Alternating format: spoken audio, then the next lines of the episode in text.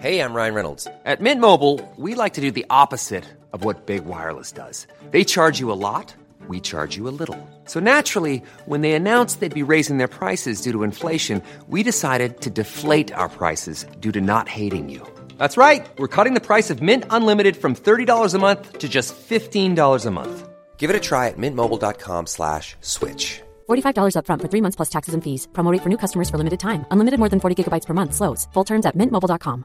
When you're ready to pop the question, the last thing you want to do is second guess the ring. At Bluenile.com, you can design a one of a kind ring with the ease and convenience of shopping online. Choose your diamond and setting. When you find the one, you'll get it delivered right to your door. Go to Bluenile.com and use promo code LISTEN to get $50 off your purchase of $500 or more. That's code LISTEN at Bluenile.com for $50 off your purchase. Bluenile.com code LISTEN. Hallå! Simon Gärdenfors heter jag och snart börjar min podcast Arkivsamtal. Snart så ger jag mig ut på en stand-up-turné med Anton Magnusson. Som är så sjukt rolig på scenen att jag blir lite avundsjuk på honom. Så missa inte att se våra föreställningar. Vesslan och Benne. 5 november så kör vi igång i Göteborg, sen vidare till Jönköping, Helsingborg, Stockholm, Linköping, Kalmar, Kristianstad, Malmö och Växjö. Vi sålde slut showerna i Stockholm och Göteborg en månad innan premiären. Så nu har vi satt in extra datum till de städerna. Men jävlar vad biljetterna går åt snabbt. Det är kul för oss och er som redan köpt biljetter. Men ni andra, skynda och haffa innan alla biljetter är slut. Gå in på specialisterna.se och köp nu. Utöver den här turnén så har jag lösa standup-gig i Västerås, Karlstad, Sumpan, Stockholm och Motala bland annat. Alla mina gig kan ni hitta på gardenfors.se. Jag vill också tacka alla Patreons som stöder den här podden. Jag blir asglad om ni bidrar med några dollar på patreon.com arkivsamtal. Men om ni är luspanka så kanske ni åtminstone kan följa mig på Instagram. Där heter jag atgardenfors. Nu kommer Arkivsamtal. Mycket nöje.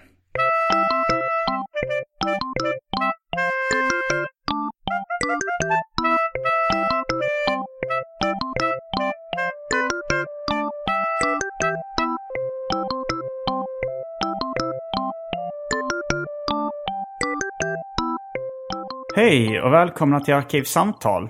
Jag heter Simon Gärdenfors. Och jag pratar med en lite mjukare röst. För att jag inte vill att uh, micken ska dista. Aha. Nej, men jag...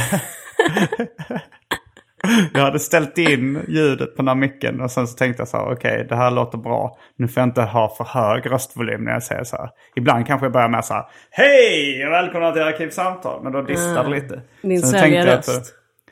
Uh, ja, min säljarröst har en tendens att di dista. Men den här lite mjuka, inställsamma peddorösten. Hej och välkomna till Arkivsamtal. Dagis sexualförbrytarrösten. Uh, den, uh, den distar inte. Nej. den lät stabil. Ja. Uh. Um, japp, och uh, mitt emot mig sitter Sandra Ilar. Hallå, hallå. Välkommen hit. Tack så mycket. Uh, jag tror vi direkt idag kastar oss in på det omåttligt populära inslaget Välj drycken.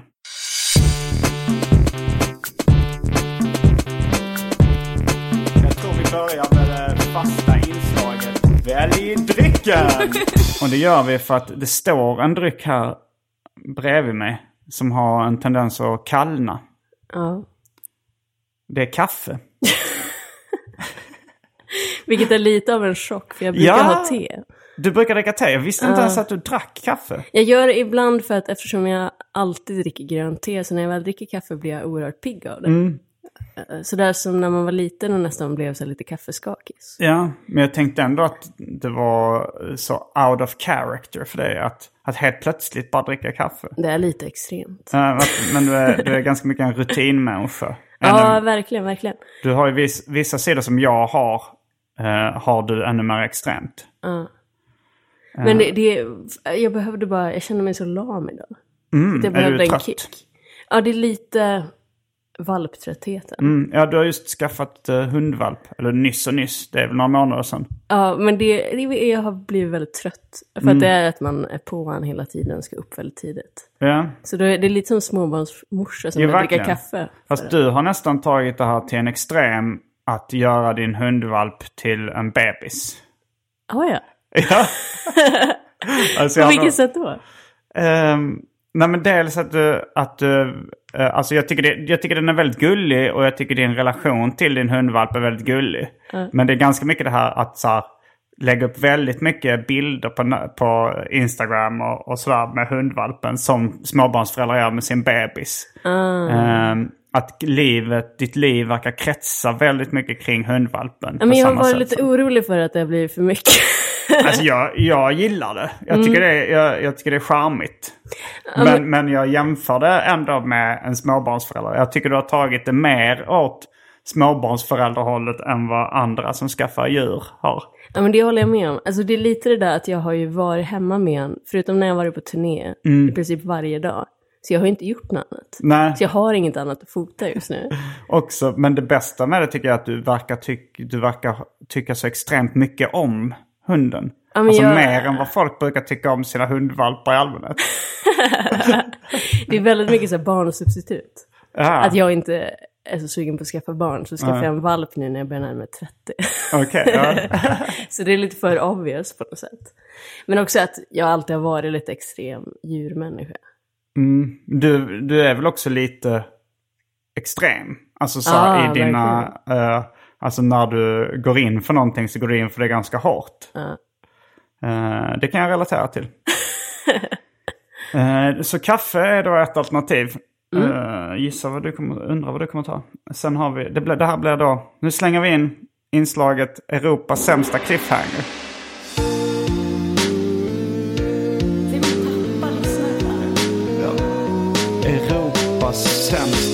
Cliffhanger. Och det är då vilken dryck Sandra kommer ta när hon själv har tagit med en kopp kaffe. Som hon berättar att hon väldigt gärna vill ha för att få kicken. Så det det kommer bli spännande. mer än bara för att finta. Ja, det skulle kunna vara en, eh, en, eh, en sån manö- avledande manöver. Eh, Vi får väl se. Det är verkligen en, en dålig cliffhanger. Sen finns det Pepsi Max Ginger, Fanta Zero, energidryck i fem smaker. Gundel Sprit, Baileys, Dry Martini, Hawaii Gay Club. Jag måste nysa. Vad var det för någon dryck? Jättekonstigt namn. Du har fått mamma-humor också nu. Ja,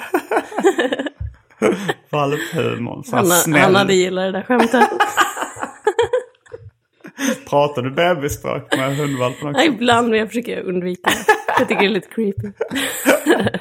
Även inför dig själv när du bara är du och hunden. Mm. Uh, jo men det är lite sån humor föräldrar har. Sån här oförarglig. Ja. Uh, gammal Rosita, häxblandningen och för tråkmånsar och nejsägare, vatten. Vad väljer du? Nu, ska, nu rycker vi av skynket från Europas sämsta cliffhanger. Jag väljer kaffe. Det blev... eh, det tippade. Eh, jag tror faktiskt jag idag igen tar en dry martini. Ehm, Vad bondigt. James Bond ja. Ja, Eh, nej men jag, jag vet inte, det har blivit lite så här att ta en, en drink mitt på dagen. Jag har märkt att det påverkar, jag blir inte bakis av det. Det, på, det är bara positiva effekter. men då är det att du inte dricker något mer den dagen. Utan, Jag kanske, eh, jag, jag kanske, igår så drack jag en drink på dagen. En, en och en halv öl. Jag fick en halv öl på Big Ben av en tjej. Och sen så drack jag en öl till lite senare. Så jag drack sammanlagt en och en halv öl och en dry martini. Och idag, jag känner inte av det överhuvudtaget. Men om du hade druckit det, den mängden på kvällen, hade du känt det då? Om jag hade druckit det var ju inte supermycket. ett... eh, nej, det är inte supermycket. Nej, men jag, jag har hört att gränsen går vid två öl. Det var en eh, som jag jobbade med som sa att om man dricker två öl och lyckas stanna där, då klarar man sig. Men om man dricker mer än så, då är man som han sa, fucked for life. Men ja, det känns ju så väldigt individuellt vad man tål.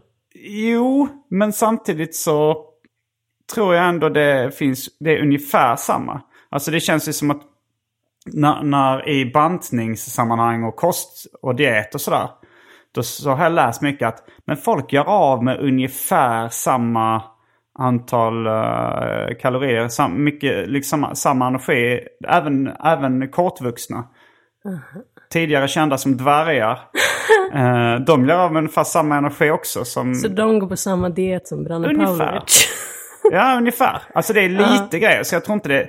Alltså, det är nog mindre individuella skillnader än vad folk i allmänhet verkar tro. Men jag tänker när man var eh, yngre och började ta fyller och så. Mm. Alltså jag var ganska späd och liten så jag var jättelätt påverkad. Just det. Medan det, en mycket större kille tålde mycket mer. Jo, men det handlar nog om vad man jobbat upp för tolerans också tror jag. Ja men jag tänkte när vi alla var nya. Att, Ja. Alltså även idag så är det väl att Jag har även läst att eh, kvinnor eh, har en annan sorts enzym eh, som bryter ner alkohol eh, än vad män har. fittan. Fittan. Enzymet fittan. Eller var det med en svordom? Sa fittan, jag hade velat ha en högre Nej, att tolerans. de bryter ner med fittan. Det sägs att asiater också har annorlunda enzym som bryter ner. Nu vet jag inte om det här bara är att reproducera illasinnade fördomar eller om jag kommer med fakta. Det är väl det som, eller gissningar eller någonting jag hört på stan. vi väljer att tro på det. Du väljer att tro på det. Ja. Då är vi strax tillbaks med dryckerna. Kända från det omåttligt populära inslaget Välj drycken. Häng med!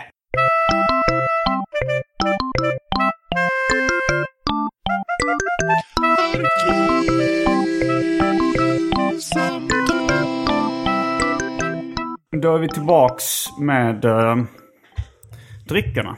Kända från det omåttligt populära inslaget Välj drycken. Ska du äta oliven? Eh, Den kommer jag avsluta med. Jag har en oliv med en tandpetare igenom i min dry martini. Är det med eller utan kärna? Eh, Alltså det är en sån med pimiento i. Som är då, det är cocktailoliver. Jag tror att det är paprika. Det tror jag med. Mm. Men eh, okej, så den får ligga och suga upp det och få smak. Och så äter man det sist. Det är ju lite utseendemässigt. Ja, Att för det ser ju lyxigt ut. det, ja, det ser lyxigt ut. Det är dels utseende. Sen så använder jag oliven och tandpetaren lite som eh, visp. Att jag rörde runt med den liksom för att blanda ginen och martinin. Ja, men det är ju klassisk filmscen att någon rör runt den här pinnen och sen äter oliven. Mm, är det det? Ja, men jag har i alla fall sett det på film. Klassisk Mm. Ja, men jag brukar äta upp oliven som en liten uh, efterrätt. Liten treat. Nej men det blir, livet blir mysigare på något sätt när man tar en sån här drink mitt på dagen. Jag, är ju, alltså jag gillar ju tanken på att ta en whisky. Mm. För det är den alkohol jag gillar. Mm. Men jag tycker på en gång att jag blir risigare som människa. Att du blir ett svin. För jag testade nu i sommar, du vet, att dricka whisky ibland. Och det är jätteskönt för att man slappnar av. Och det är så trevligt att sitta och göra det. Ja. Men på en gång så är jag segare dagen efter. Ja, att jag jobbar bakis. i sämre takt. Ja, men Nej, men inte direkt bakis, men bara så att jag orkar träna mindre. Eller så. Kanske två Mm. eller tre. Ja men då är det ändå ganska många. Alltså så att bara ta en liten. Det här är inte så mycket, det är inte så stor drink heller jag har tagit nu. Mm. Eh, om, man, om jag skulle ta två, tre så skulle det påverka mig på det sättet också tror jag. Okej. Men att bara ta en liten och sen så parera den med en tupplur lite senare på dagen. då, jag tror det är det perfekta brottet. Okej, då får jag börja med det istället. Testa det. det finns, jag vet inte om det finns, um, om det är etablerat, men the cocktail hour. Att det är så klockan fem eller någonting som är cocktailtimmen. Då ska man ta liksom en cocktail. Ja, jag vet Viktor Sjöström när de spelade in Smultronstället han, Ja. med Ingmar Bergman. Han var ju en gammal, gammal skådis då, gammal regissör och så. Mm. Och då hade han att han var ju gammal och vresig och ville ha sin whisky klockan fem varje dag. Mm. Så hela inspelningen anpassades efter att han skulle få sin whisky klockan fem. Men För då skulle så- de vara klara varje dag. Ja, de skulle vara klara då. Han kunde Ja. inte bara sänka den mitt under inspelningen. Nej, han ville hem och ta sin whisky. Aha. Och det var att han vart förbannad om det inte blev så. så det finns ju en tjusning med det. Ja. Men jag... ehm, eh, alltså under min uppväxt så var det alltid så att så på kvällen så satt min pappa i, i en fåtölj och drack vin. Alltså så här, jag tror han drack två glas varje kväll. Eh, det gör han nog fortfarande tror jag. Rött vin. Ja. Eh, men eh, Det blir nog finare med rött vin än vitt. ja, Det är lite mustigare. men, eh, men så det har blivit liksom normaliserat i mitt liv att dricka alkohol varje dag. Ja. Eh, nu känns det som att jag skyller på någon slags socialt arv. Det är ju ingen, det, det finns ingen direkt Ja, men det känns ju samtidigt väldigt kontrollerat. Mm. Att när det är en liten mängd varje dag. Att det inte blir Ja. det där att bara för att jag smakar lite så måste jag köra in i väggen. Nej, jag har ju inte en beroende personlighet som många andra har. Du har i alla fall en väldigt kontrollerad beroende. Ja, men jag har inte en, bero- alltså, så, en sån där man förlorar kontrollet. Nej, För, kontrollen. jag tror aldrig jag har sett dig packad sådär. Aspackad. ja, Nej, det, det är jag inte så ofta. även fast jag har varit med dig jättemånga gånger när du har druckit. Men Ja. aldrig sett du har varit, verkat borta. Nej, men är det många komiker du har sett aspackade? Förutom Johannes Bränning. som då är en beroende person. Ja, men ändå hyfsat många. Ja. Eh, ja, men grejen är att jag har ju ganska uh, svalt känsloregister utåt i alla fall. Det pågår ganska mycket starka känslor inne i min hjärna. men eh, men jag, jag liksom, jag är inte, jag agerar inte ut dem så jättemycket. Jag har ganska mycket samma röstläge och samma ansiktsuttryck alltid. Så du blir bara jättefull på insidan. Jättepackad inombords. Den är så kontrollerad så du visar. Ja, lite så kanske. Ja, men jag tror det. Och sen så, sen så har jag, jag rätt mycket sån som somnar när jag blir för full. Ja men det är lite så här, jag har svårt att visa starka känslor. Mm. Alltså som blir jätte, jätteglad eller jätte, jätteledsen eller jätte, jättekär typ eller så. Och visa Att det alltid är så, ja exakt. Eller att känna det. Att visa och känna tror jag. Förutom när det kommer till hundvalpen. Ja, då är det gränslöst. Nej men en rolig, för vi var ju på, du träffade ju Ernst Ruben som han då heter. Eh, Hunden ja. Ja, förra måndagen på, när vi körde stand-up på Cantina Real.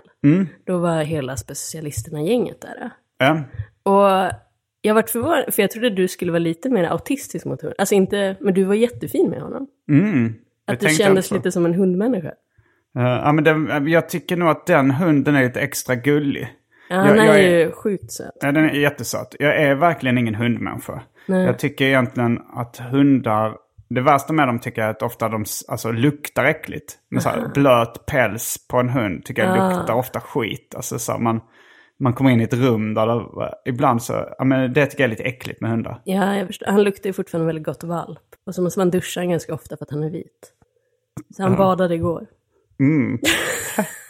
Ja, nej men det, den ser mer ut som ett gosedjur, liksom en nalle, din hund. Ja, Så jag var är- så här gnuggade in ansiktet i den och sådär. Mm, han är jättemysig. Men hur är det mot Bodil, Martin Sonebys hund? Uh, Är hon lite äckligare? Äh, kall mot Men den, Men det var kanske det att jag hade byggt det på hur jag Ja. sett hur du har varit med Bodil. Så vart jag förvånad att du ändå var gosig mot ja, Bodil är ganska söt, men den är inte fluffig på det sättet. Nej, hon Alltså, är ju strävhårig, så Ja. inte lika, man kan inte gosa in ansikte. och så vet man att Martin har varit där också. Eh, Men också, för Anton var nog mest hundvänlig. Han var jättefin med, jag Mm. höll honom när jag var på scenen och så. Mm. Så jättebra med hund. Albin kollade inte ens. Han var kall. ja. Men Albin är ju ganska kall, känslokall, känns i ja, allmänhet. men verkligen. Ja. Men han är nog den som har reagerat minst av alla som har träffat en tjuv. Ja.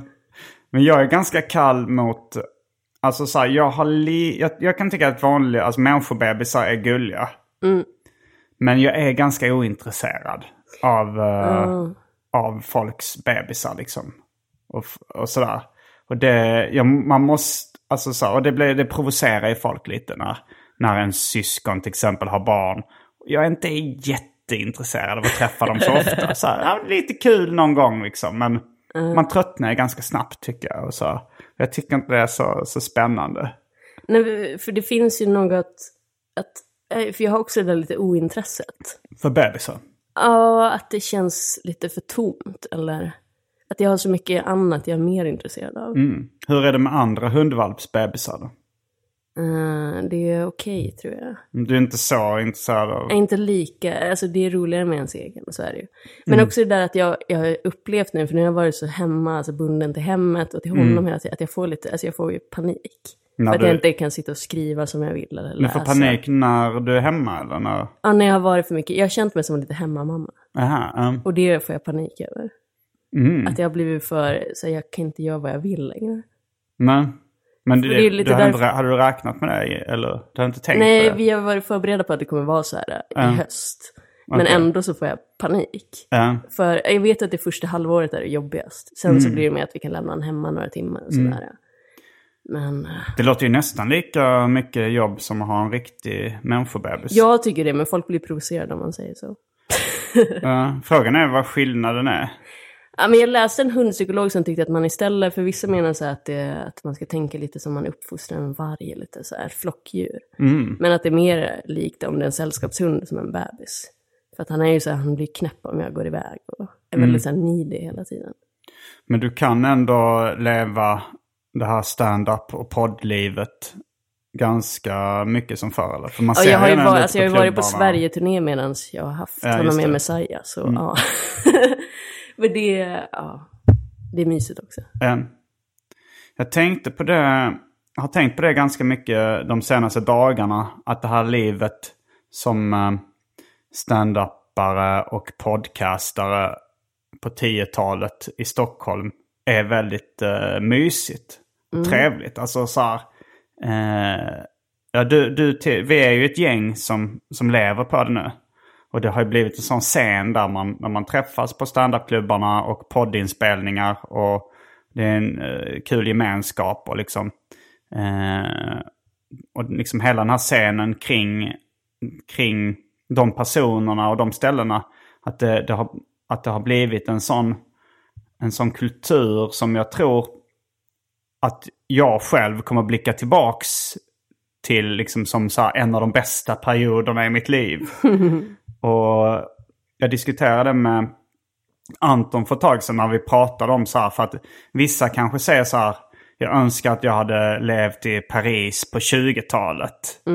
Eh, där det var mycket författare och liksom kulturlivet. Och, jag vet inte, var det Moulin Rouge? Fitzgerald. Eh, var det Moulin Rouge var det då också? Kanske.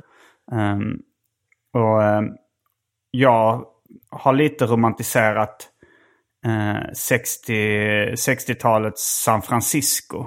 När det var så här eh, underground-serierna liksom började där då med Robert Crumb och eh, alltså det var ju här Haight Ashbury-kvarteret i, i San Francisco som också var liksom ett centrum för hippiekulturen och liksom LSD-pionjärer och sånt där. Eh, och, det var, och, och det verkade vara en sån liksom, det, är väl, det var väl där liksom hip, hippiekulturens epicentrum. Men att det också fanns de där underground-serierna. Men att det verkade vara en sån, en ganska härlig tid att leva i. Har du haft någon sån, har du någon sån tid eh, och plats som du har tittat på och tänkt att det där verkar vara härligt? Alltså jag bodde ju i England ett tag och jag gillar England väldigt mycket. Mm, du jag har lite släkt därifrån också. Ja, alltså, för när jag bodde i Cambridge så är man ju i väldigt gamla byggnader. Och det är ju ganska hierarkiskt och lite aristokratiskt där borta. Mm, gillar du hier- hier- gilla- hierarkiskt? Nej men jag kan gilla det här städade som finns på något Mm. sätt. Att folk är väldigt så kontrollerade, det är ordning och reda. Eh, man har eh, alltså, så ganska strikt klädkod och det är så här, fint. Mm. Ja. Jag kan gilla det här städade, att det inte ballar ur. Mm, För det är någonting med att jag har väldigt svårt när det händer saker plötsligt, eller att det kommer höga ljud, eller att det är så här... Typ Det är om jag är på en autism. nattklubb så blir jag, jag bara sitter för att jag inte kan, det blir för mycket intryck. Har du fått din autismdiagnos nu? Eller är Den du är- fortfarande den är på G. utredning? Nej men jag har ju väldigt lätt att tappa koncentration och bli så här Mm. fuckad av. Så just den här kontrollerade anglosaxiska gamla miljön, Ja. den gillar jag väldigt mycket. Och att jag, alltså mina favoritförfattare är många engelsmän, alltså Lewis Carroll, Mm. Alice i Underlandet, 1800-talet där, viktorianska eran. Ja. Så det är ju trist tid kanske. Men jag gillar det här kontrollerade.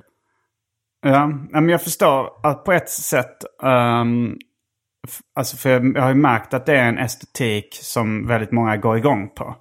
Alltså det här uh, brittiska, kanske universitetsmiljö och sådär. Har du läst uh, Den hemliga historien? Nej. Uh, Donna Tartt. Men det, det är liksom, det utspelar sig i den miljön. Fast det kanske är i USA då, fast man märker att det är så här Ivy League universitetsmiljö. Att det, är, väl, det, är, lite, det är lite snobbigt och det är lite, det är lite intellektuellt. Ja, det var Men- ju, Harvard startades från en kille från Cambridge. Mm, så det är inspirerat av. Ja. Och det är ju rätt många så, som romantiserar det. Man märker, jag, jag är ju mer, jag gillar ju mer USA. Man märker att det är nästan, jag, jag ska inte dra klichén att det finns två sorters människor. Men, eh, Men det finns det. Men.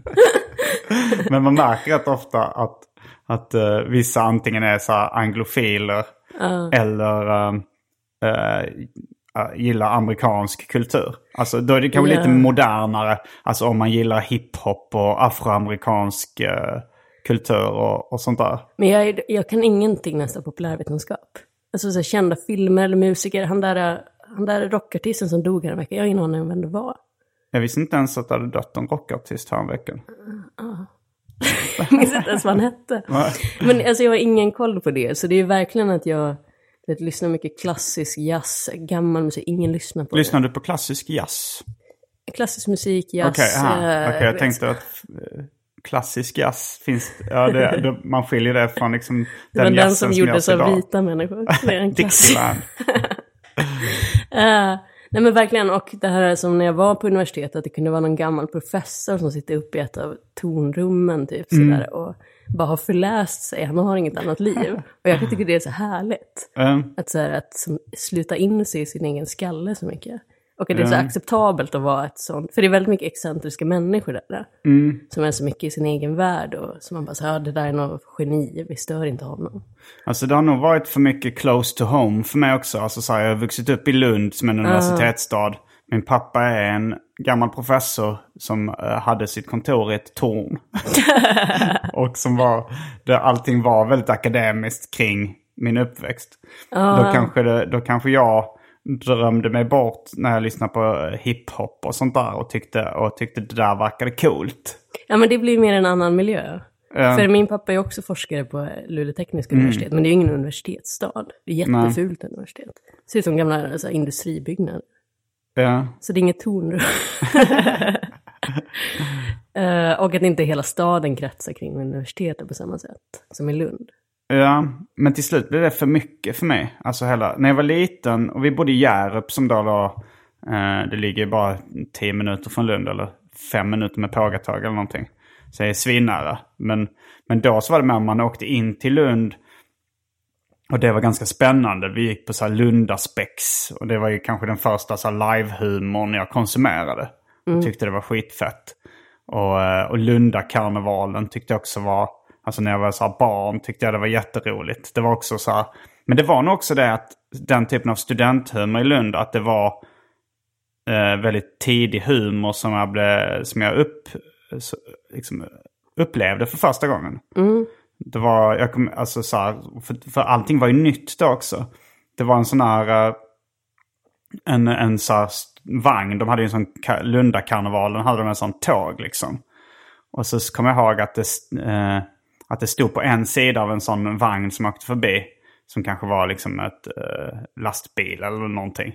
Så hade de målat och så var det någon som så här, eh, räckte eh, alltså lång näsa. Alltså höll upp en hand framför näsan. Och så stod, för det var mycket snuskhumor. Det är ju liksom en, en grej med studentikos humor är att det ska vara mycket sexuella anspelningar och sånt där. Men då var det... Men lite smarta sådana. Ja, jo det är väl lite smartare men, men det är också, de blandar väl högt och lågt så Typ att att någon kommer och så här ska du få Pythagoras sats. Vet, det typ Det måste ju ha använts hundra gånger jag i i samma. Minst. Eh, Men då kommer jag ihåg att det var, det var, de hade målat en gubbe som räckte liksom lång näsa med handen. Och så stod det snusket står på andra sidan. Eh, alltså andra sidan vagnen. Man, man står ju på en sida av varje vagn. Alltså så, så, när tåget åker förbi. Och då kommer jag ihåg min pappa sa. Det står förmodligen exakt samma sak på andra sidan. Och då kommer jag ihåg att jag tyckte att det var genialiskt. Jag kommer ihåg att jag tyckte det, fy fan vad bra skämt.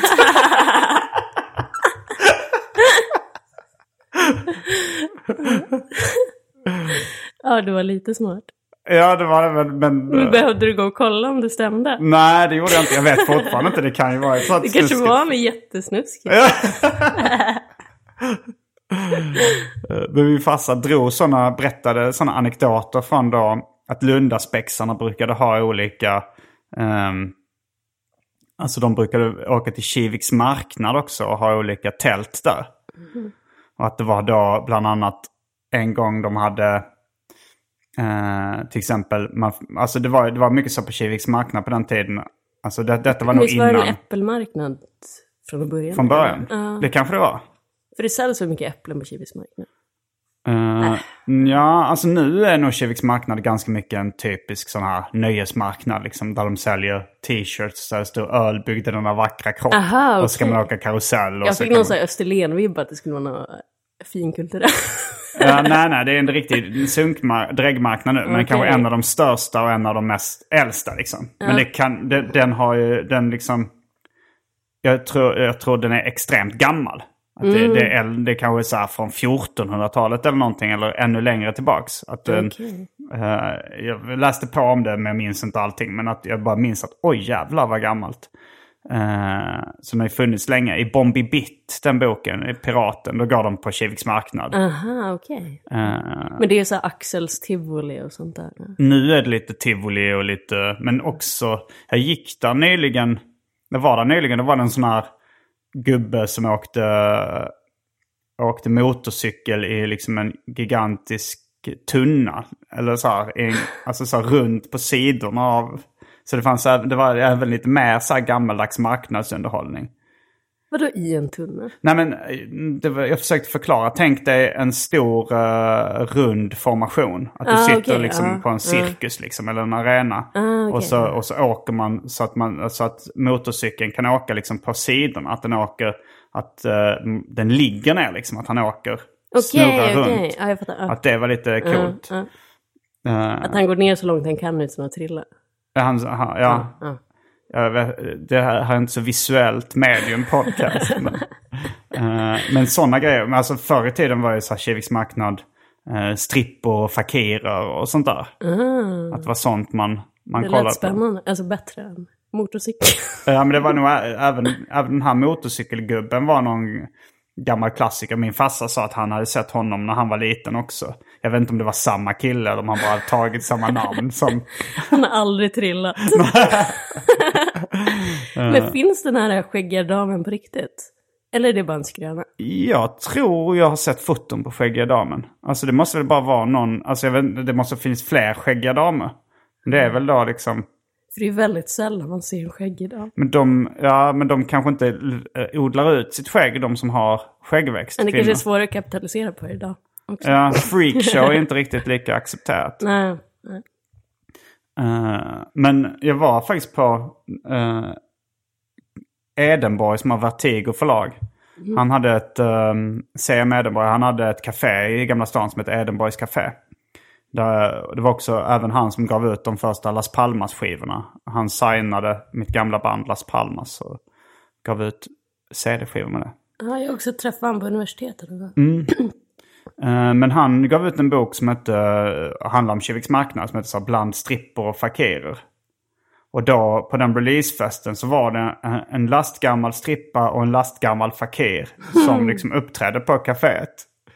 Och det var ju lite, det var ju mest äckligt att se båda. Men hade de varit på Kivis marknad? Ja, det, hade, de. tidigare? de var, Ah, det var sådana oldtimers som liksom hade hängt med sen, uh, sen dag ett. Fakir känns ju som att de åldras bättre. Än strippa. Båda två var väldigt äckliga. Alltså, Hur kan fakir vara äcklig bara för att han var Ja, gammal? men, ja, men sticka in nålar i kinden och sånt. Det är inget jag egentligen vill se. Nej varken en ung eller en gammal fakir egentligen. Okej, okay, så det, det, är inte det yttre som gör det äckligt? Utan... Han var ju ful också. Det, blir, det gör det äckligt. Det blir lite äckligt.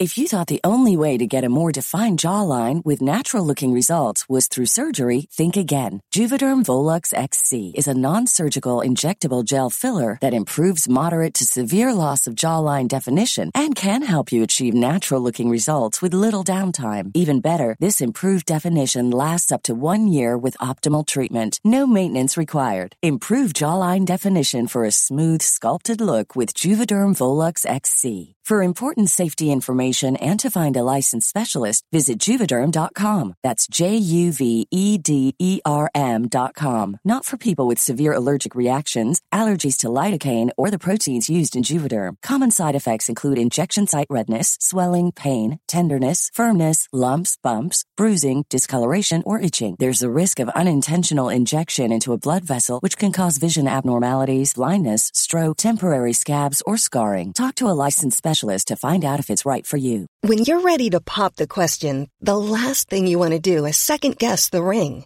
At Bluenile.com, you can design a one of a kind ring with the ease and convenience of shopping online. Choose your diamond and setting. When you find the one, you'll get it delivered right to your door. Go to Bluenile.com and use promo code LISTEN to get $50 off your purchase of $500 or more. That's code LISTEN at Bluenile.com for $50 off your purchase.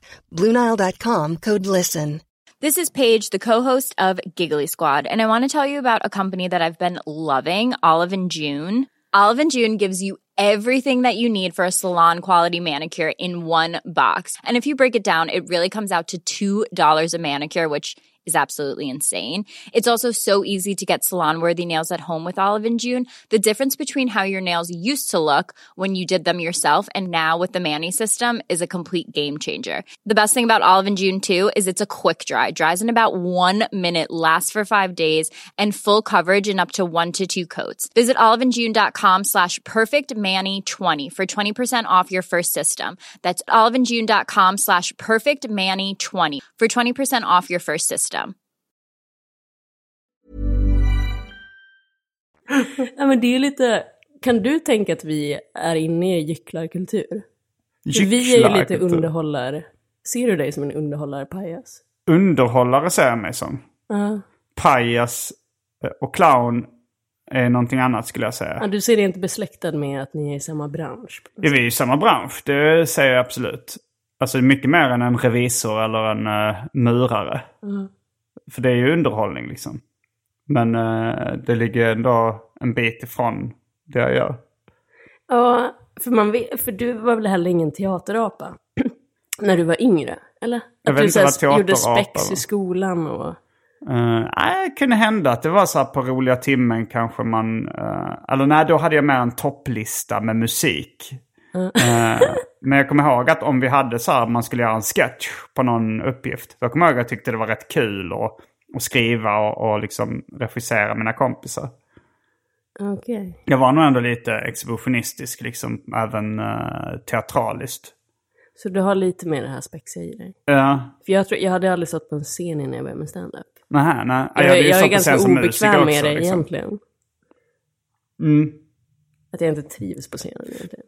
Men du hade inte hållit på med spoken word eller något sånt innan? Nej. Det var bara som jag hade fått för mig. Ja. Nej, jag har aldrig stått på scen i annan sammanhang. Nej. Jag Men- minns alltså första gången att jag började tänka när jag var liten. Då gjorde jag lite videos och sånt där med Mm. polare och sådär.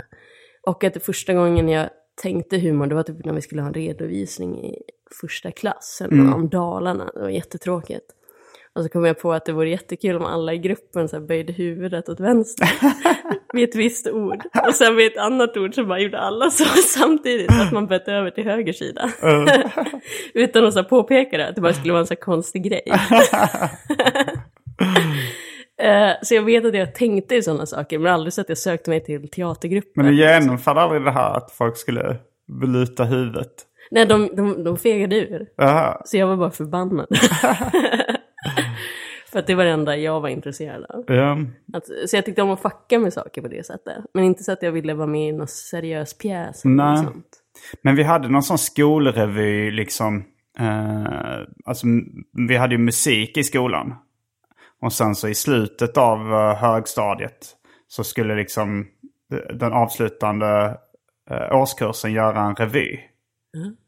Eh, och då gjorde jag, då kommer jag ihåg att ja, men då blev det extremt så här, spexigt på ett ganska pajigt sätt. Liksom med cykelhjälmar och solglasögon och, och roliga sånger och sånt där. Men att jag ändå eh, tyckte, fan det här, alltså jag kommer ihåg att jag gillade och att det blev succé liksom. Och att, och att eh, musikläraren gick fram och gratulerade till ett av de bästa numren det året och så. så jag kommer ihåg att det var ändå, eh, det var kanske första gången jag stod på scenen i ett sånt sammanhang. Eller det kanske fanns någon sån pjäs i klassen. Uh, alltså, jo, men hade inte ni så här skolteater också? Jag kommer ihåg vi spelade uh, Folk och rövare, bland Folk och rövare i Kamomilla stad. Då var jag i smink och rekvisitagruppen. Så, Så du var stod- inte med på scen? Nej. Nej. Eh, och sen så spelade vi även Robin Hood i klassrummet. Alltså bara inför resten av klassen typ. Men då fick jag en så extremt liten roll. Du fick inte vara Robin? Nej, jag fick inte vara Robin Hood. Jag fick vara en, eh, en gammal en gubbe som skröt, tror jag. Eller som skulle... Nej, det, nej, jag kommer inte ihåg. Men det var något sånt. Han skulle, nej, det var nog inte att han skröt om sig själv. Utan mer han hade hört rykten om Robin Hood. Där jag hade typ fem repliker. Okej, så han skröt om Robin Hood? Ja, eller sådär. Han berättade eh, olika rykten om Robin Hood. Okej. Men du spelar aldrig en- ens i skolpjäser? Nej, ingenting. Ingenting. Nej. Alltså det var mer att jag, jag gick estetiska, då fick vi testa på sig teater. För jag gick det med extra naturgrejer, för jag tyckte det var så trist på samhällsekonomi. Mm. Så jag böt dit. Så då behövde vi dansa och hålla på. Men jag har aldrig gillat det. Nej. Jag tyckte bara det var obekvämt. Alltså, så jag gick konstlinjen där. Mm. Vet, man får sitta och rita. I och för sig, jag började på breakdance redan när jag var sex år gammal. Och då uppträdde jag också... För Anton berättade att han uppträdde som Michael Jackson. att det var så här, Anton kan du inte kika på skolavslutningen? Vi vill se när du gör Mike. Ja, jag har faktiskt sett honom göra Michael Jackson även i vuxen ålder. Oj, är han han, bra? Ja, han är väldigt skicklig. Jaha, det är svårt att tänka sig att han kan dansa. Jo, det är det för att han är ganska stiff Ja, eh, som person. Liksom. Han är Men- lite som dig med också, inte så stort känsloregister. Nej. Att han då ska bli som Michael Jackson. Ja, nej, men jag, så jag uppträdde på Bollhuset i Lund som breakare när jag var sex år gammal kanske. Okej. Eh, för då var, det, då var det hela liksom breakdance-klassen. Eh, vi gick en sån och jag var yngst där då. Och sen så på avslutningen så skulle alla uppträda. Men då var det, då var det liksom baletttjejer och lite andra liksom danser. Men när breakdansen kom då bara visade det sig att det var bara jag och en annan kille som inte hade fegat ut. Så jag kommer ihåg att det var så gigantiskt bollhus liksom. Och så var det två barn i mitten som skulle breaka. så var så lite. Det var kanske var tänkt att det skulle vara 20-25 pers eller någonting. Men, Det är gulligt också. ja. Men, eh, men jag håller med det du säger om att vi lever i en jävligt god tid. Ja. Alltså det är ganska ofta jag tänker så här, fan vad sjukt att jag kan göra så här på dagarna. Mm. Kan du få den vibben också? Jo, så här, jag tänkte det på det i morse när jag podd, vaknade. och Behövde inte, behövde liksom inte, jag, jag kan vakna när jag vill. Och sen gick jag upp och åt chokladpudding eh, till frukost. Och sen så gick jag en liten promenad och, och försökte hitta på skämt. Och liksom drack kaffe och läste en tidning. Sen kom Jonas Strandberg förbi. Eh, och så testar vi skämt på varandra. Alltså bara så läser upp skämt för varandra. Det gör vi varannan vecka ungefär. Eh, så läser man upp dem så jag sätter jag en anteckning på. Okej, det här skämtet skrattar han åt. Det här skrattar han inte så mycket åt. Och sen kom du förbi så spelade man in en podd. Och igår så gjorde jag ungefär samma sak fast jag poddade med Arman. Och sen gick jag till Big Ben och körde, testade lite nya skämt där. Och, sen drack en öl efteråt liksom. Och, Men det är samma här och att vi också är lite så att vi kan ta allting som inspiration. På något sätt. Att jag kan lägga mig när jag är hemma så här på dagen, ah, vad ska jag göra? Men jag läser den här äh, boken för det kan bli inspiration till en podd eller till... Du vet att allting, när man jobbar lite med kultur och konst så kan jag att jag sitter och läser en sci-fi bok på ett café, det är att jag sitter och jobbar. ja, man kan Alltså ju man kan säga det så. stretcha det ganska långt. Jo, det kan man. Men för vem ska man stretcha det? För sig själv? Ja, eller? lite. Nej men jag, jag och Stanley snackade om att det ultimata hade varit... framöver att man har en månad då säger man. Ja. Så jobbar man hårt och giggar tre veckor den månaden. Mm. Den fjärde handlar bara om att uppleva saker. Så att man sen kan skriva och... Du vet, alltså, det behöver inte vara en stor grej med att man kanske åker upp i fjällen eller åker till Kanarieöarna eller så bara Mm. åker på ett läger någonstans. Och bara gör något helt annat. Att man inte liksom anstränger sig, man vilar hjärnan lite eller man... Ja, det hade varit det optimala. Att man Mm. har en, en vecka när man bara får intryck och bara går runt och lallar. För det är ofta då man kommer på roligaste grejerna. Jo, och sen har man tre vara. veckor när man slipar och bara jobbar fram det. Ja, men frågan är om det är inte lite väl ofta att ha en vecka i månaden. Att man då liksom egentligen är ledig en fjärdedel av tiden. Ja, men det är när man har kommit till en eh, grad när man har den lyxen. På något sätt. Jo, men eh, jag är nog lite för arbetsnarkomanisk för att kunna... Eh, för jag känner att det, är, det verkar skönt. Men jag tror nog att man skulle utvecklas i ett långsammare tempo än om man jobbar på. Men även när du ser det som jobb, att du sitter och skriver under de här dagarna. Och... Sitter och skriver under den, den, den här veckan. Ja, alltså du gör det för att uppskaffa Jo, material. jag ser det som urs, en ursäkt. Att, det så här, att, man, att man, man, har, man försöker inbilla sig att det här är det bästa. Fast egentligen så är det nog att ah, det hade nog varit bättre att, att ta en vecka, eh, alltså en vecka ledigt till halvåret kanske. Ja. ja, men för jag är ju som dig, jag tycker inte om att vara ledig. Jag mår ganska dåligt av att inte ha någonting i kalendern. Det är nästan så att jag tycker det är mer stressande än att ha mycket grejer. Jag kan tycka det är skönt att vara ledig fast då vill jag gärna vara utomlands. Jag, förs- I somras så lyckades jag inte riktigt vara ledig. Då, då gick jag hela tiden till Big Ben och andra gratisklubbar och uppträdde och, och, och skrev och, och jobbade liksom. Eh, men det var väl också lite så här att jag tror jag hade så mycket relationsproblem i somras. Att jag tyckte att om jag bara så här låg på en solstol då tyckte jag det var för jobbigt så här. Alltså att jag, jag kanske inte mådde så bra psykiskt. Att det blir för mycket tankar. Ja, det blev för mycket, det för mycket tankar. Det var skönare då att koncentrera sig på lite olika uppgifter. Jag tror nu är jag mycket gladare då. Nu ska jag till exempel på lördag åka till New York med, med Anton och Petrina och Johannes Finnlaugsson. Cool. Eh, så då, då kan jag nog, kommer jag nog bara kunna slappa mer tror jag.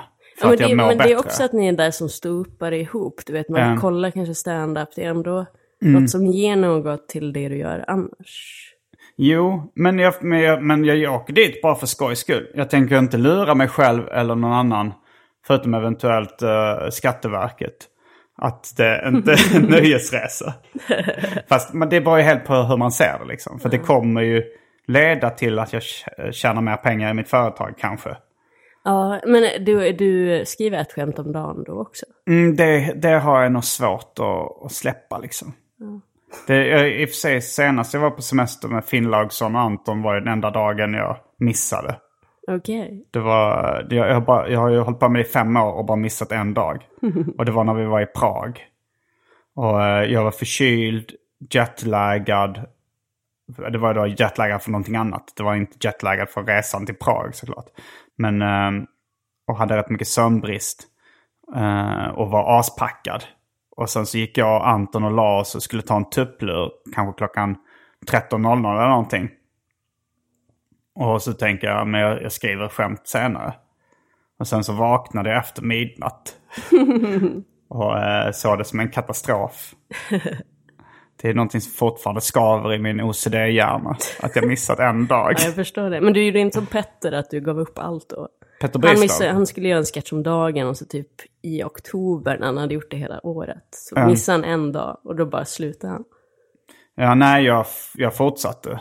Jag skrev två skämt nästa dag. Jag vet att det inte, för mig själv så var det ingen ursäkt egentligen. Men, men jag gjorde det och sen bara fortsatte som inget hänt.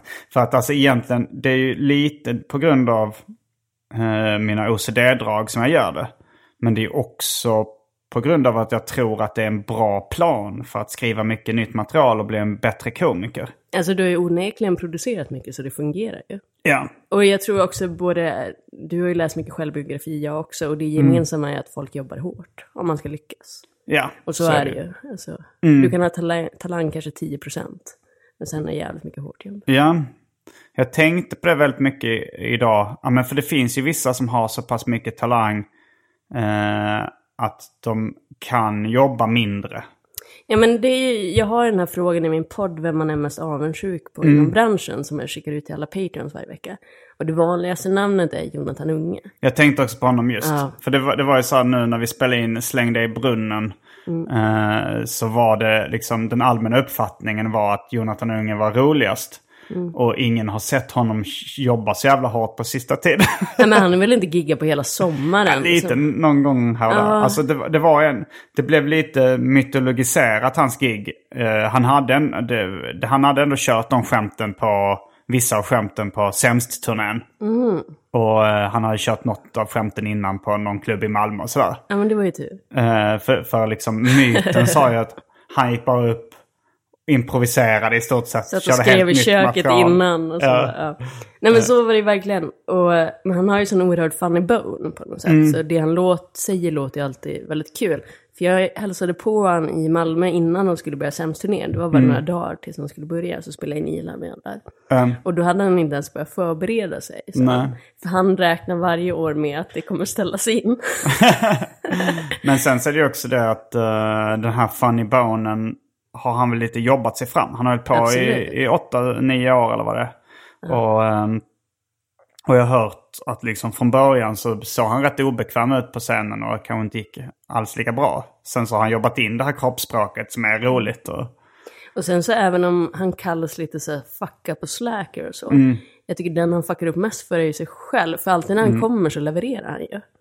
Alltså om Jo. han ska vara med på någon grej så han, han ger ju alltid det han kan. Men sen, så, sen gissar jag på att hade han jobbat lika hårt som du eller jag så hade han varit eh, kanske Özz stor vid det här Ja laget. men verkligen. Eh, för nu är det väl så att han, han jobbar inte så mycket och då blir han lite på samma nivå som, ja men han är på någon me, eh, mellannivå liksom. Ja. Eh, men, men en bild jag fick upp i huvudet idag är liksom att om man, om man ser eh, talangen som ett hjul, liksom, ett, så kan man ha ett extremt stort hjul. Man måste fortfarande cykla med det här hjulet liksom för att komma, komma någon vart. Men om man har ett väldigt litet hjul så, så kanske man så här, cyklar som fan, kämpar på. Men då går det långsammare. Medan folk som har den här stora talangen kan liksom, de måste kämpa lite. Men när det väl sätts i rullning så går det mycket snabbare och längre. Ja, absolut. Det vet, jag vet, jag lyssnade någon gång på, på um, vad heter han, Norm MacDonald. Han pratade om att han och en annan komiker hade varit på en comedyfestival i Kanada när de var ganska unga. Och sen hade de varit inne i någon sockbutik innan. Strumpbutik. Ja, strumpbutik där det, det var ingen så här expedit. Det var jättekonstigt, de stod där och sa I want to buy socks. Jag, kan inte. Och så den ena, sen på kvällen så giggade de och då körde Norm de här skämten. Han har skrivit jättemycket på sitt hemma, så här bytt med orden och sådär. Jobbat stenhårt med Norm. MacDonald hade gjort ja. det. Mm. Eh, Går han upp och kör det, det är ett helt okej gig. Sen går den där andra snubben upp och bara improviserar om hela den här sockgrejen och bara dödar. och han menade att det finns två typer av komiker. Du vet, så vissa som är mer skrivna, man måste ha material, jag jobbar stenhårt, jag måste jobba stenhårt för att få till de här skratten. Medan det är annan som har en talang att man kan gå upp och vifta lite på handen och ändå... Du vet, man har den här improvisationsförmågan. Ja, just det. Som inte behöver jobba lika stenhårt med själva skämtskrivandet. Nej. Att man har lite mer den här naturliga funny bonen. Jo, så är det ju. Men, eh, men jag tror ändå att, att de som har det här naturliga fanibanet måste ändå jobba på något sätt för att... Alltså de, måste kanske tänka lite innan och vad de ska säga. Absolut, men han menar själva att arbetsinsatsen, Eh, förberedelsen innan, kanske inte är lika stor. men, Att det där att de behöver inte, om de har ett stort hjul, mm, ja, så behöver de inte cykla lika mycket nej. innan. Eh, men eh, när, minns du något tillfälle där du började jobba hårdare? Eller... eh, Ja, men jag har alltid varit en sån som jobbar stenhårt Aha. för att, alltså vad den är. mm, Alltså för jag märkte att ja, om jag anstränger mig i skolan då får jag bra betyg, om jag inte gör det så då får Ja. jag mediokra betyg. Så jag har alltid varit så att jag jobbar stenhårt för att få an hela tiden. mm, Jag hade någon gång en sån strike där jag fick an ett helt år. Alltså Mm. högsta betyg. Och då var det så här, fan jag vill inte fucka och få ett B. Vet så. Och även med skämt så, jag kan ju inte gå upp och höfta utan jag behöver förbereda Mm. mig för att det ska bli bra. men du har inga sådana rutiner att du skriver? eh, Ja, men jag skriver varje dag, alltså jag skriver premisser och så. Men inte att jag behöver skriva klart skämt varje dag. Men, Men jag gör alltid någon grej som har med stand-up att göra. Mm. Jag kan tycka det kan vara nog också, du vet om jag åker till Big Ben, att jag sitter timmen innan och sitter och skriver på små saker i blocket Mm, innan jag går upp. Att för då har man ändå lagt två, tre timmar på den kvällen med att ägna sig åt stand-up. Så det är ändå en ganska stor del av sin dag. men eh, jag, jag tror att jag började alltså, att läsa självbiografier och biografier var det som fick mig att jobba hårdare. För att jag också läste då hur andra, hur mina idoler och förebilder liksom, och, och sådana alltså, jag gillar. Men jag kanske trodde att de inte behövde jobba så hårt. Och sen så när man, jag, jag gillar till exempel en serietecknare som heter Chris Ware. Ehm, då, och då tyckte jag, hur fan kan han teckna som han gör? Alltså hur kan han göra en sån seriesida? Det, ser- det ser helt omöjligt ut att få till det här. Men sen så läste jag liksom en, en biografi. Eller en sån monografi kanske, det är en konstbok där de delvis intervjuar honom och delvis publicerar lite bilder av honom. Eh, och så var det så här, ja, men han lägger en arbetsdag ungefär åtta timmar på att skissa en sida. Och sen så en arbetsdag på att tuscha en sida. Eh, så det är liksom 16 timmar på en sida, bara en seriesida. Och sen, eh, och sen så berättar han också att han eh, plagierade grejer ganska skamlöst. Eh, att så här, en av de snyggaste eh, utsidorna han gjorde då till eh, sin serietidning eh, Acme Novelty Library. Den var en sån grej jag tänkte, hur fan har han gjort det? Och sen så eh, säger han så här, ja men det här var en, en cigarrlåda som jag, eh, den cigarrlådan, eh, den finns med i boken så här någonting. Det, det är någon bok om vackra cigarrlådor. Det, det, det här är i stort sett bara ett plagiat av den. Men sen så är det väl liksom, han blir lite som en DJ då också, att det han plagierar eh, är ju liksom hans smak. Så man ser ändå en, en man, man känner igen hans stil och hans smak liksom.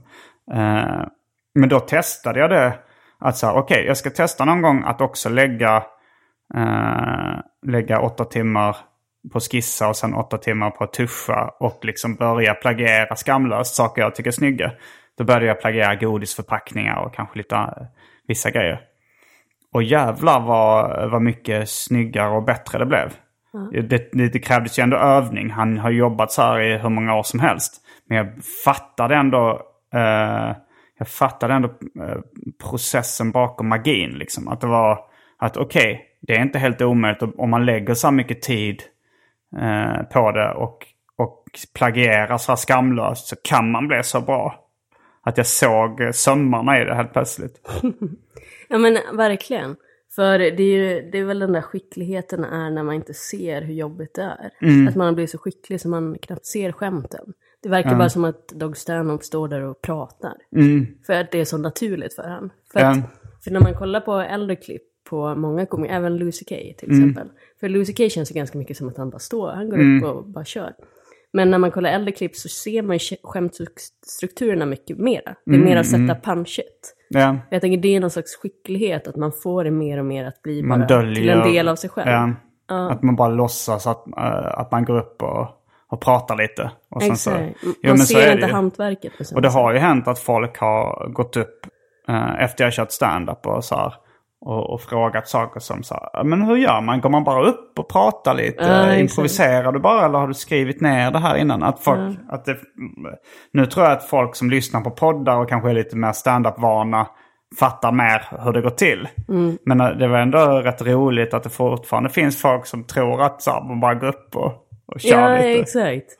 Framför, jag har också fått det på min sida och det vore helt absurt att improvisera mina grejer. Alltså det är så här, vadå? Tror jag höftar allt det där? att jag skulle skrika kuk. Det är, mycket planering bakom det och det var rätt, eh, rätt roligt också att folk, alltså även folk som är komiker, alltså vi, var, vi körde på specialisterna Comedy Club en gång. Och då var det Anton som gick upp och hade några skämt om, eh, jag tror det var om, om eh, han hade ett skämt om katten Jonny. Och, eh, som är väldigt roligt och jag, jag var med när han skrev det. Vi, sk- vi hade ett skrivarläger i, i Värmland då, ett gäng komiker. Och då så skrev han det skämtet och övade på det och körde det ett par gånger. Eh, och sen så körde han det även bara på Specialisterna Comedy Club. Och både Johannes Bränning och Martin Sonneby hade fått för sig att Anton bara improviserade. Och de tyckte, fy fan vilken magi det blev här på scenen. Att han bara, han bara fick feeling och, och, det blev så något av det roligaste de någonsin sett. Men jag förstår inte, för de är ju komiker och vet exakt hur, hur det går till. Men att det ändå blev så att de trodde att han bara hade improviserat den rutinen. Men kan det vara att de aldrig hört? Alltså, De hade inte hört den, men ändå. Men ändå ja, exakt. Det är ändå konstigt. Men, men det var väl att leveransen kändes så spontan på något sätt. Ja, Att, eh, för det är ju lite, det är lite konsten också att få det att se naturligt ut. absolut. Att kunna, kunna lura publiken att man... Men tycker du att det är en fördel eller en nackdel? För fördelen med att vara dålig på att lura publiken, Mm. det är ju att man då måste skriva nytt. Det, det finns ju vissa, Nu hänger jag inte med. men Peter Wahlbeck exempelvis som kör jättegamla grejer. Ja. Om han skulle vara sämre på att låtsas som att de var nya. Du tycker att han är bra på att lura publiken att Ja, det är nya grejer. Men felet är ju att publiken har ofta sett. Ja, nu har det blivit så. för, när, för jag har ganska många skämt som har dött för mig för att jag har ledsnat på dem.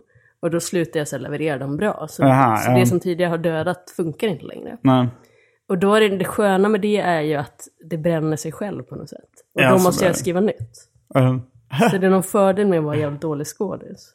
Peter Wahlbeck försöker även lura sina kollegor att det är nya grejer. Han, han sa så här. Ja, han, har ett nytt, han sa till mig när vi skulle på turné så sa han att jag har ett nytt skämt om en svart påve. Och så, så var jag så här, jag har sett honom köra det skämtet för två år sedan.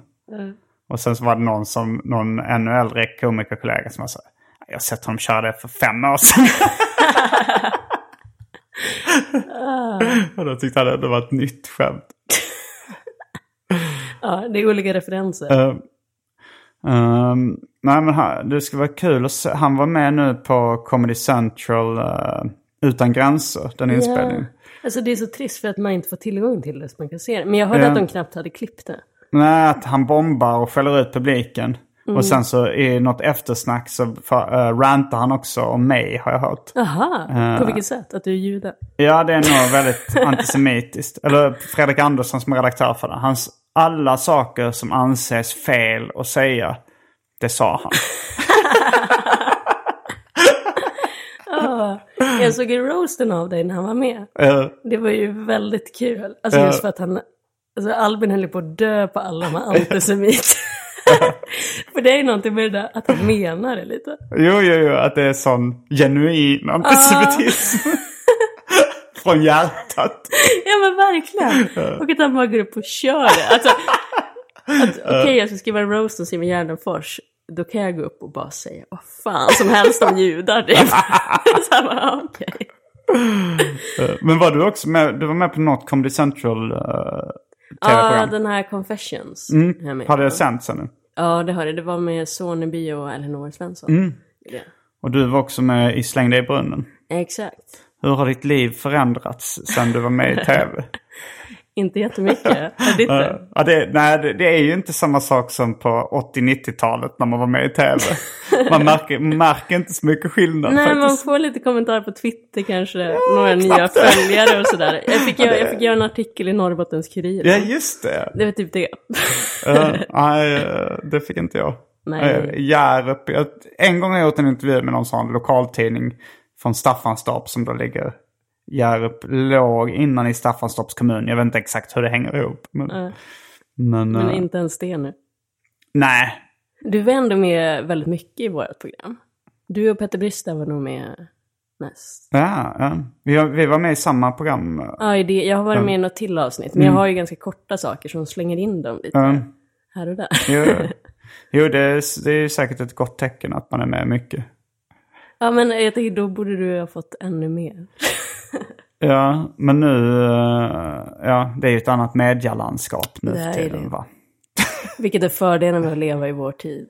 Ja, det är, det är både en för och nackdel. Alltså för om man kom igenom nå- nålsögat så var man ju klar liksom. Mm. Ifall man fick ett program på SVT eller ett, eh, eller ett program i P3. eh, Då... Ja, det fanns ju säkert de som fick upp de chanserna också. Men... eh, Men det var ju, det var ju en annan sak. Ja, verkligen. Mm. Nu, Babben har- till exempel berättade att hon slog igenom i Släng dig i brunnen.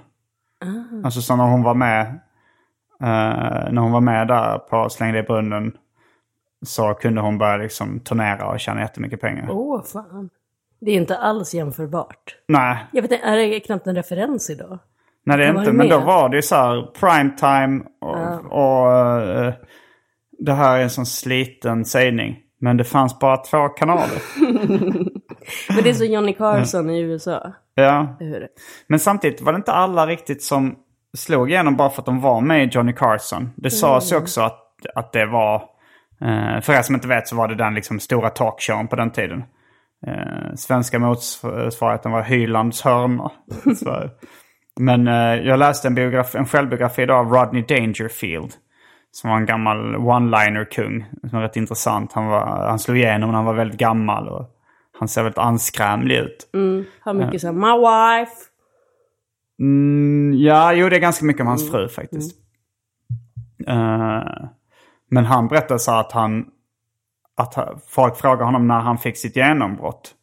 Och grejen var att han hade inget genombrott utan det, han fejdade in i berömmelse liksom. Att det var så att han sa att han var med på Johnny Carson någon gång. Och sen efter fem, sex gånger så var det, började folk vara så här. "Eh, Jag känner igen dig från någonstans men de kunde inte placera var. Och sen, eh, sen så liksom tonade in till att han var, blev ganska känd. Han var med i komedier som Tommy Bollen. Och han Nej, men gjorde det är även också, en, för en raplåt. för även om Seinfeld fick genomslag genom Carson, vi hade ju inte vetat vem han var utan serien. Nej, nej, absolut Alltså om man bara hade gjort det gigget. Nej, jag fattar inte att han var en av USAs absolut största komiker vid det Nej. tillfället. Han var ju sån... Eh, det var... Alltså på 60-talet så var, var det ju discoeran. 60 och 70-talet. Och sen eh, eh, när liksom discon dog på 80-talet. Då, då fanns det så extremt stora tomma lokaler där det har funnits diskotek innan. Och då var de tvungna att fylla det med någon ny underhållning. Och då blev, blev det liksom eh, Seinfeld och, och andra komiker som var stora då liksom fyllde de här eh, de här liksom dis- gamla discolokalerna bara genom att köra stand-up. Okej. Så placerade de ut bord och stolar där så folk satt och åt och drack. Men då, de blev ju liksom snorrika. Och fick åka runt över hela USA och uppträda på de här liksom gigantiska lokalerna. Eh, och det var, väl, det var väl då som Seinfeld fick det här kontraktet med tv-bolaget för att han var en sån här liksom jätte, jättekänd. Alltså han var, alltså om man, om man tar kanske Johan Glans eller Jonas Gardell i Sverige och gångrar det med, eh, för USA är väl ja, men kanske 200 gånger större. Nu, det här var en siffra som var en total gissning. Men, Det är om man- större. sa du? Det Det är större, större, i alla fall. Eh, Så skulle det väl vara på den nivån. Liksom att, eh, men det fattar man inte när man sa tv-serien. Han var ju helt okänd för mig när jag... Ja, absolut. Jag tror det var ganska långt senare jag fattade att det här han gör i början är det han gör. Ja, nej, Egentligen. nej. Men jag tänkte det här att, för vi lever ju båda liv när vi gör poddar, kanske sketcher, Mm. gör turnéer, eh, men också andra gig och sådär. Att det är ganska spretigt. Ja. För Jag hörde ju Seinfeld säga att han tycker att det räcker att två saker samtidigt. Att göra två saker samtidigt. Ja, för annars blir det för ofokuserat. Typ. Ja. För jag kan uppleva lite det att alltså man hade velat kunna leva på att bara köra stand-up. För då hade man kunnat lägga så mycket mer tid på det Jo. och bli så pass mycket bättre. För nu är det så här, nu måste jag sitta och förbereda en podd här, nu måste jag... Ja. så. Jag är faktiskt... eh, alltså jag, jag, har ju tidigare gjort väldigt mycket saker. Alltså så här, serietecknare, rappare, poddare, stand-up-komiker och så vidare. Men nu så gör jag nästan bara stand-up och poddar. Ja. Alltså jag, gjorde, jag släppte en låt hyfsat nyligen. Eller nyligen liksom. Men, det, men jag gör inte så jättemycket musik och jag tecknar knappt någonting. Okej, så du behöver inte lägga mycket tid på musiken? Det. Just nu, alltså de senaste fem åren har jag inte lagt så mycket tid på musiken faktiskt. Eller, ja, när vi har haft lite turnéer och sånt där. Men jag har ju verkligen fokuserat på stand-up och poddar. Men är det just för att det blir för spretigt då? Ja, det är för att det blir för spretigt annars. Uh, och det är ju två saker liksom. Och sen, sen dessutom så gör jag poddar som inte krävs så mycket förberedelser. Alltså jag är med i den här podden, AMK morgon och uh, Specialisterna podcast. Jag kör tre poddar i veckan. Men ingen av dem förbereder jag i stort sett överhuvudtaget. Du lever på att bara dig. Vad sa du? Du lever på att vara dig. Ja, alltså jag bokar ju gäster till Arkivsamtal och eh, ibland researchar jag lite. Men, eh, men det, jag anstränger mig mycket mer som standup-komiker, det här skriva och... Ja, men det tror jag absolut är bra, det här reduceringen på något sätt. Mm. För jag vet, Stanley har ju det att standupen är hans största inkomstkälla, han kan leva på standupen. Mm. Och det är ju jävligt soft att ha, att inte vara så, att man inte är beroende av ett P3-jobb eller, Men, du vet, utan man lyckas skapa en egen plattform som man själv har kontroll över. eh, Och men det är ju poddarna är också en egen plattform i och för sig. Absolut, absolut. Jag lever bara på egna plattformar nu. Ja, jag med. Mm. Bra tid vi lever i. Det är det. Och med de orden så avslutar vi veckans avsnitt av Arkivsamtal. Jag heter Simon Gärdenfors. Jag heter Sandra Ylar. Fullbordat samtal.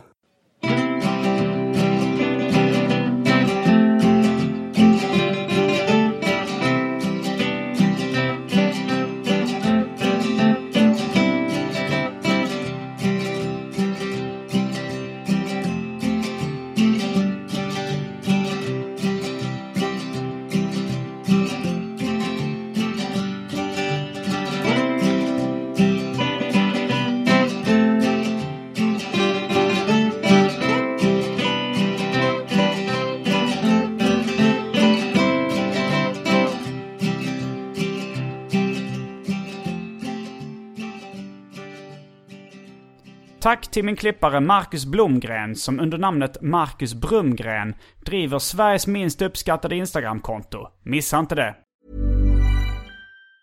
Mom deserves the best, and there's no better place to shop for Mother's Day than Whole Foods Market. They're your destination for unbeatable savings, from premium gifts to show-stopping flowers and irresistible desserts. Start by saving 33% with Prime on all body care and candles. Then get a 15-stem bunch of tulips for just $9.99 each with Prime. Round out Mom's menu with festive rosé, irresistible berry chantilly cake, and more special treats. Come celebrate Mother's Day at Whole Foods Market. Mom deserves the best, and there's no better place to shop for Mother's Day than Whole Foods Market. They're your destination for unbeatable savings, from premium gifts to show-stopping flowers and irresistible desserts. Start by saving 33% with Prime on all body care and candles. Then get a 15-stem bunch of tulips for just $9.99 each with Prime. Round out Mom's menu with festive rosé, irresistible berry chantilly cake, and more special treats. Come celebrate Mother's Day at Whole Foods Market.